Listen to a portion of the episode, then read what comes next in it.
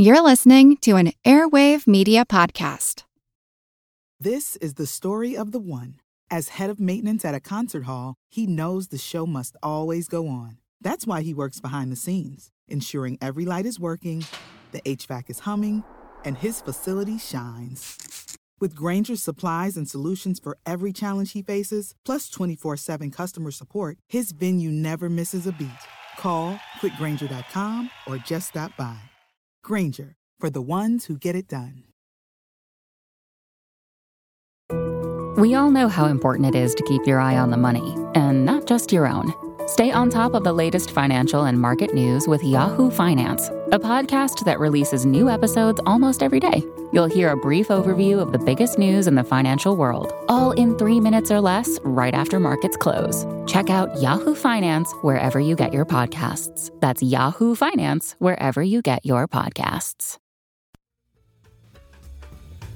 Hi, folks. Ben Mathis here. I have a very important announcement. There's a big favor I have to ask of you. If you like what I'm doing here on Kick Ass Politics, then I'd like to ask you to nominate us for a 2016 Podcast Award.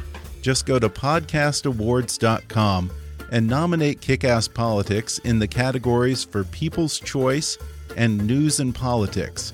And hey, if you want to go the extra mile, then encourage your friends to vote for us on your social media and share your support on Twitter by tagging at Podcast Awards and using the hashtag PCA16.